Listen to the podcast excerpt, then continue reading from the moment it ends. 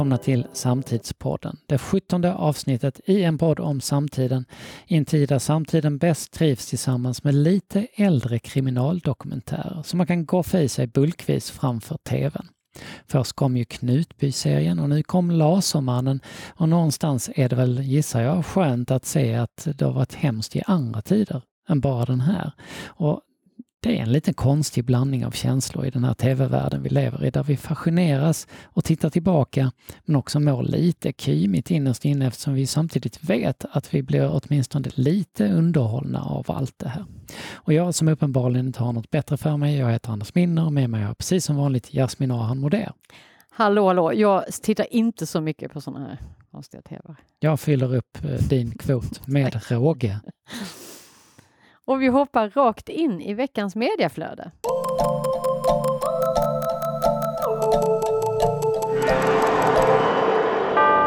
Och här hittar vi såklart nyheten om den nationellt kända tafsardagen. Det vill säga polisen går ut med en varning för en challenge där man ska tafsa på tjejer och sen sprida filmer av övergreppet i sociala medier.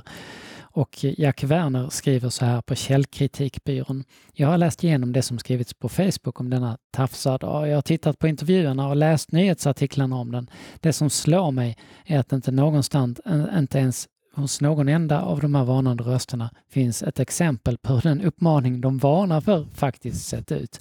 De är alla sekundärkällor. Det vi brukade kalla för primärkällor och som vi förut tyckte var rätt viktiga lyser här med sin frånvaro. Varningarna för uppmaningen att tafsa publiceras överallt samtidigt som ingen ens verkar bry sig om själva uppmaningen ens någonsin har existerat. En rektor i Flen, det är fortfar fortfarande Jack Werner som jag läser här som, en rektor i Flen säger rakt ut till SVT att hon inte sett det själv, men sedan spekulerar hon i att det kedjebrev hon alltså själv inte sett sprids till och med bland barnen i förskolan. Och det blir den uppgiften som Expressen snappar upp och sen sprider vidare. Ingenting nämns om hur trovärdig en uppgiftslämnare är som inte ens har sett det hon pratar om. Och det här är ju eh, lite spännande för att jag tror ju att väldigt många har sett diskussionen om oh, den här tafsadagen. Alla vet väl om det? Ja. Och eh, då verkar det ju då att man pratar om någonting liksom som egentligen inte existerar. Man varnar om någonting och då, till sist så existerar det ju nästan på grund ja, av att ja, man... Ja, men, och jag blir också ändå lite konfunderad för att när jag hörde det första gången så kändes det som det, ja, men det hade vi läst, mina barn kommenterat, det hhade man ju läst på om det var via TikTok eller någonstans. Men det är ju precis som du säger, eh, det känns ju inte som man har sett det de facto. Mm. Eh, men, men bara senast igår så fick jag höra att eh, fotbollsläraren, eh, tränaren hade sagt till min son, att det, eller hans lag, att det här ska ni ge fan i helt ja. enkelt. Och, men det är ju frågan då, vad är det de ska ge fan i, eller hur? Man brukar kalla det där för, för, för Streisand-fenomenet egentligen, om man vill ta bort någonting på internet ju mer man försöker göra det, desto mer pratas det om det, det. och desto mer sprids det. Eh, det är då Barbara Streisand som inte vill att, att ett foto på hennes hus ska finnas med i något offentligt register och sen så börjar det här. Det kommer det finnas överallt. Och det här är väl liksom ett ja, exempel. Tanke. Jack Werner, han har, vad, vad, ska man tänka på nästa gång sånt här sprids? Och det är ju vettiga saker att ta med sig. Det kanske det vi ska ta med oss från det här. Han säger kräv primärkällor om någon påstår att det finns någonting här. Bara så acceptera inte det utan exempel. Var finns den här källan då? Kräv kvantifiering om någon påstår att det har fått en stor spridning. Acceptera inte det utan att få se någonting på det. Och så skriver han, vilket jag tycker är väldigt bra, tänk på att vuxna generellt är usla informationskällor till information om vad barn gör på internet. Mm. Försök att varken under eller överskatta ditt barn. Barnet är fullt förmöget att skita i korkade uppmaningar på sociala medier samtidigt är lika kapabelt att vara en dålig människa, vilket är din uppgift att se och begränsa i vardagen, inte när någon säger att något sprids på Nej, internet. Bra sagt. Mm. Eh, vi har också nyheten från Danmark som nu är enda landet i Europa där man börjat dra tillbaka uppehållstillstånd för syriska flyktingar, skriver Dagens Nyheter. Eh, danska myndigheter klassar numera Damaskus som säkert område att återvända till men möts av hård kritik av FN och Amnesty. Och regeringens mål här nu är noll asylsökande lanserade då den socialdemokratiska statsministern Mette Fredriksen i januari. Och nu har man också i Danmark börjat betala folk för att eh, lämna landet. Eh, vad, vad tänker du här, Jasmin? Vi är ju nära Danmark här. Jag bara känner så här, ibland kan man ju bara tänka, är folk dumma i huvudet eller? Det är ju en, en, inte jättesvårt att få reda på information om vad, vad, hur situationen faktiskt är. Man kan bara prata med någon. Alltså det, det, det går ganska snabbt. Vi har ju, känner ju själva några eh, personer som har flytt från, från Syrien. Hade senast i häromdagen ett, ett, eh, en litet webbinar med en journalist som kom från Syrien 2013. Han kan berätta precis hur det ser ut, eh, hur illa det fortfarande är. Eh, det, det, det, är så oerhört korkat att kunna säga om detta om människor som ja, men vi är så fruktansvärt bortskämda och, eh, och jag, liksom, om vi inkluderar danskarna, jag vet inte, men hur man inte kan faktiskt sätta sig in i andras relationer och leva under ett sånt fruktansvärt hot av död och eh, eh förintelse och allt vad det kan vara. Så det är och det finns ju en kontext Helt till det här. Eh, I Aftonbladet så skriver Peter Larsson att i Danmark så går det inte längre att rösta bort den invandrarfientliga politiken.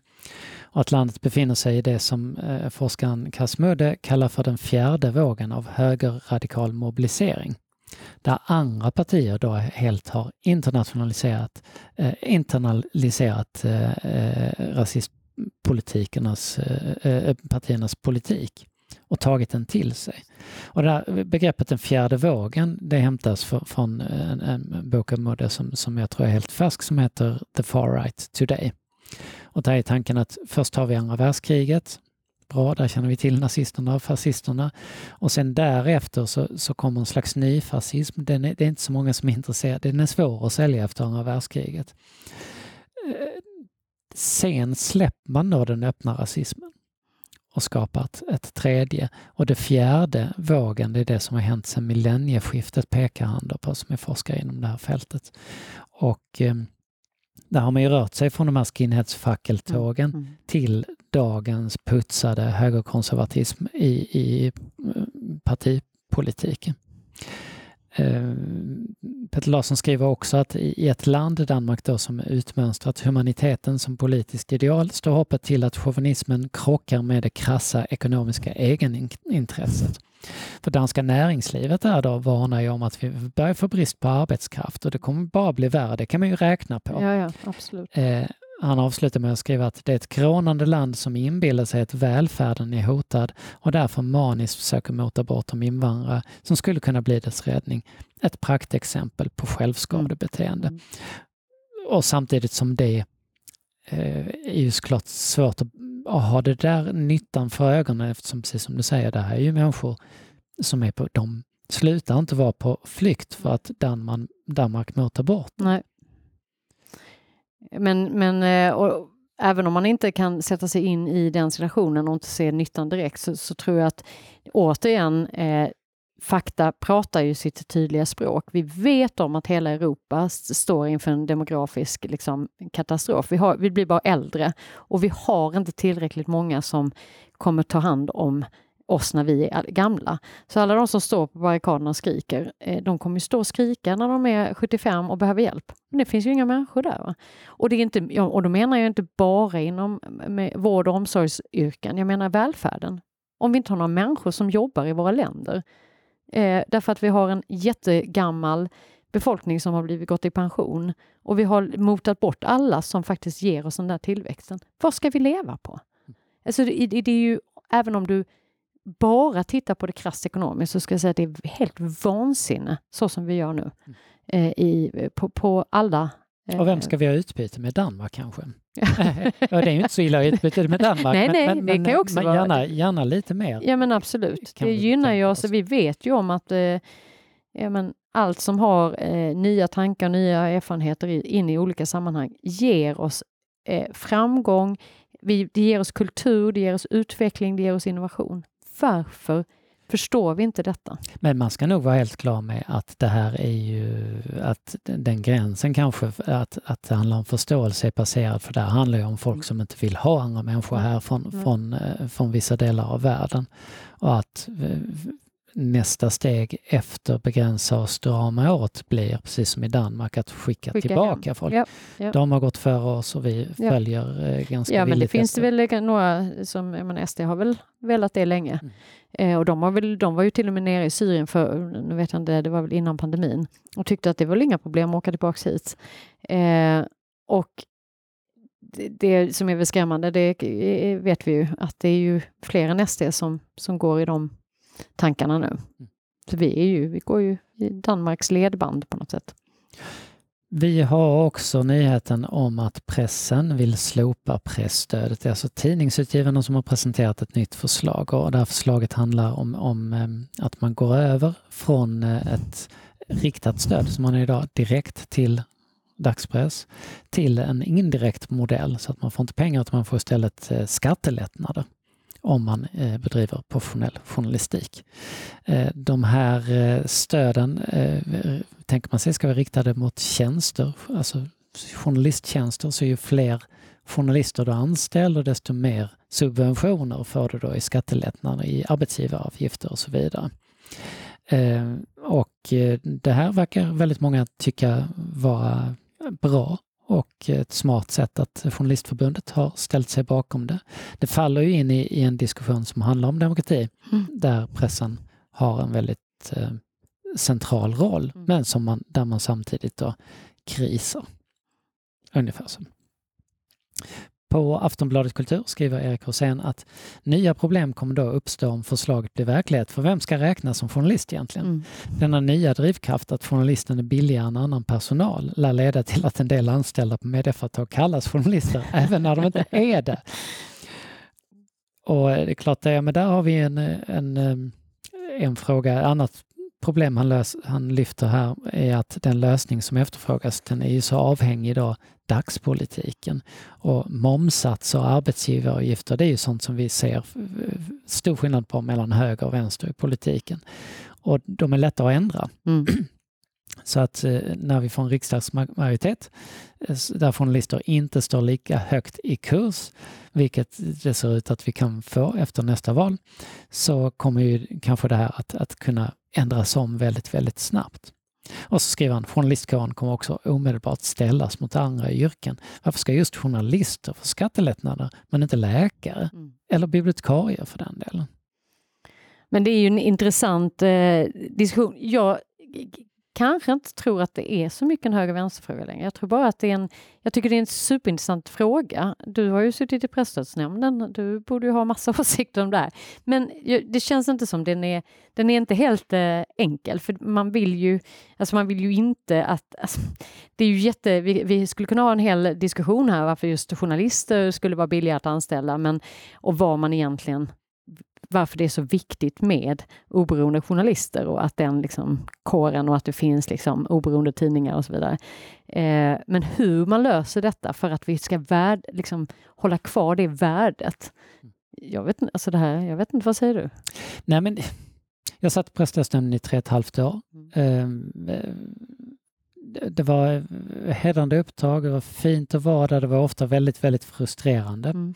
Det många inte känner till, om man pratar ju väldigt mycket om pressstöd och sådär, men det bestäms ju av riksdagen, alltså hur, Mhm. Hur- Hur det ska delas. hur det ska, alltså vilka krav och kriterier man ska uppfylla och hur mycket pengar det finns och så är det upp till nämnden att besluta huruvida de här som söker då uppfyller kriterierna. Och det, till sin form är det ju en, en domstol, den leds, leds ju av en, en, domare.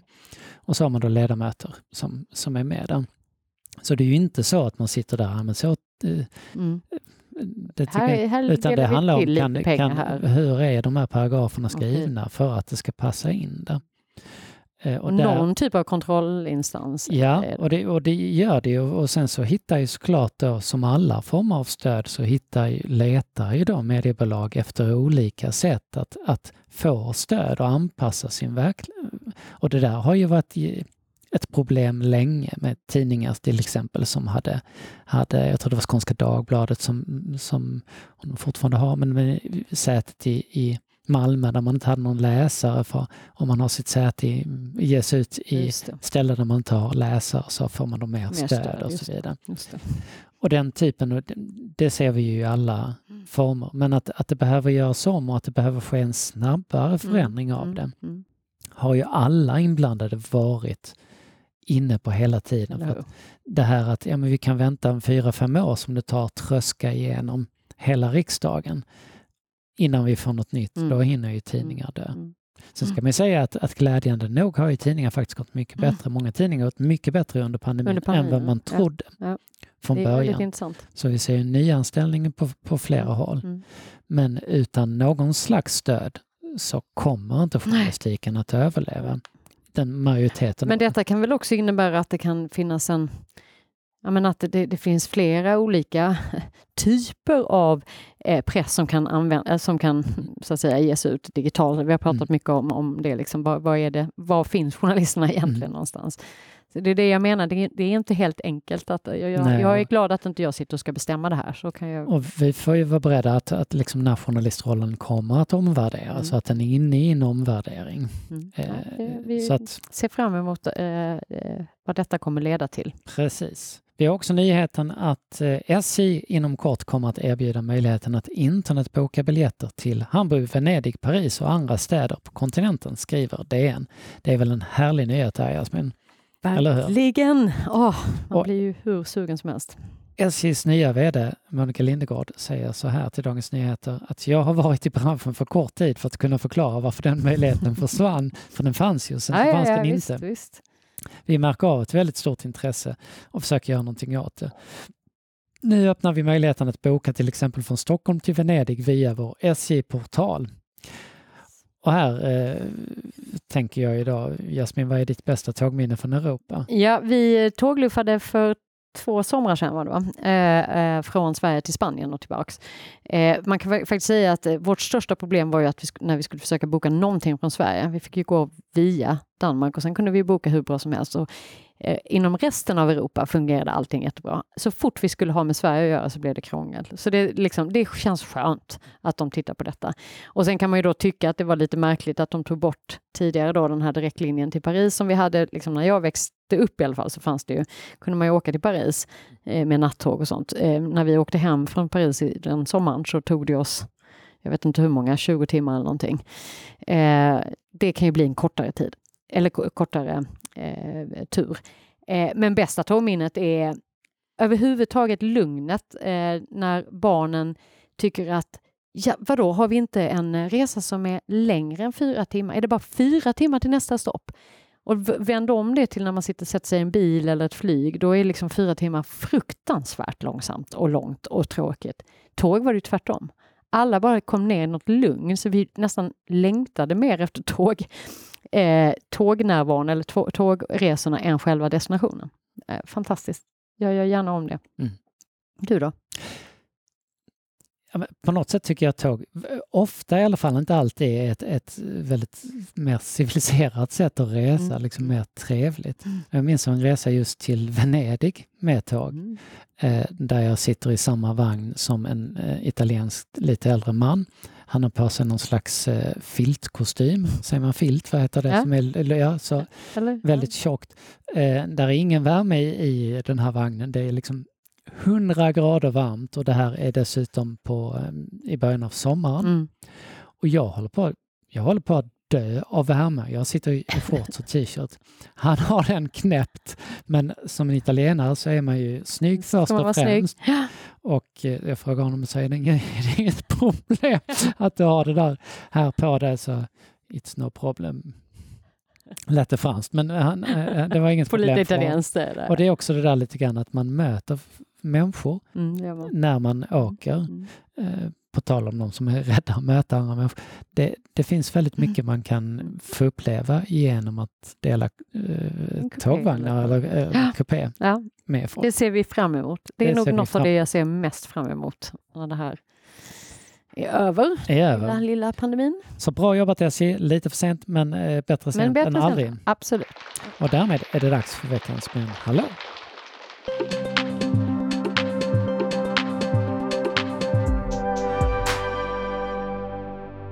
Och veckans Men hallå, det handlar om UFO och, och faktiskt det där är en, en, rubrik på Aftonbladet och vi har inte kunnat läsa den här för vi är inte premiumbetalande medlemmar. Läckta filmer visar misstänkta UFO-fynd och så är det bild på ett eh, stridshangar och så är det en inklippt bild på Pentagon som ser ut att den håller på att attackera eh, ovanifrån molnen, stridsfartyget. Och sen så är det en liten utzoomad, eh, inzoomad grön plopp där det ser ut som någonting som ser ut som ett moln och så står det under pyramidformer över amerikanska krigsskepp. Vi har inte teknologin. Och så är det en liten poll där. Tror du att utomjordingar har besökt jorden? Jag kryssade i där. Jag kryssade i nej, men de flesta hade då alltså, i, sagt ja. ja. Mm. Så Jasmin, vad säger du? Tror du att utomjordingar har besökt jorden? Det tror jag inte. Eh, ibland hade jag nog velat ändå säga ja, för det blir ändå lite roligt ja. att kunna spekulera i det. Jag, nu blir, är jag liksom lite så eh, trådigt rationell, så ja. då blir det ett nej. Tror du på utomjordingar nej. överlag? Nej. nej. Jag tror själv att det finns en, en sannolikhet att, att, att ja, det är konstigt att tänka sig att vi inte har liv någon annanstans. Ja, men något liv, ja okej, okay, men vad är, ja. Men någon typ av liv finns ja. det men om det är definition utom... Ja, men jag vet inte. Jo, Nej. ja, någon Jag bara tänker att hade de verkligen åkt denna hit så hade de väl ändå gjort lite mer väsen av sig än, än ett litet pyttemoln långt ja, borta ovanför ett amerikanskt krigsfartyg.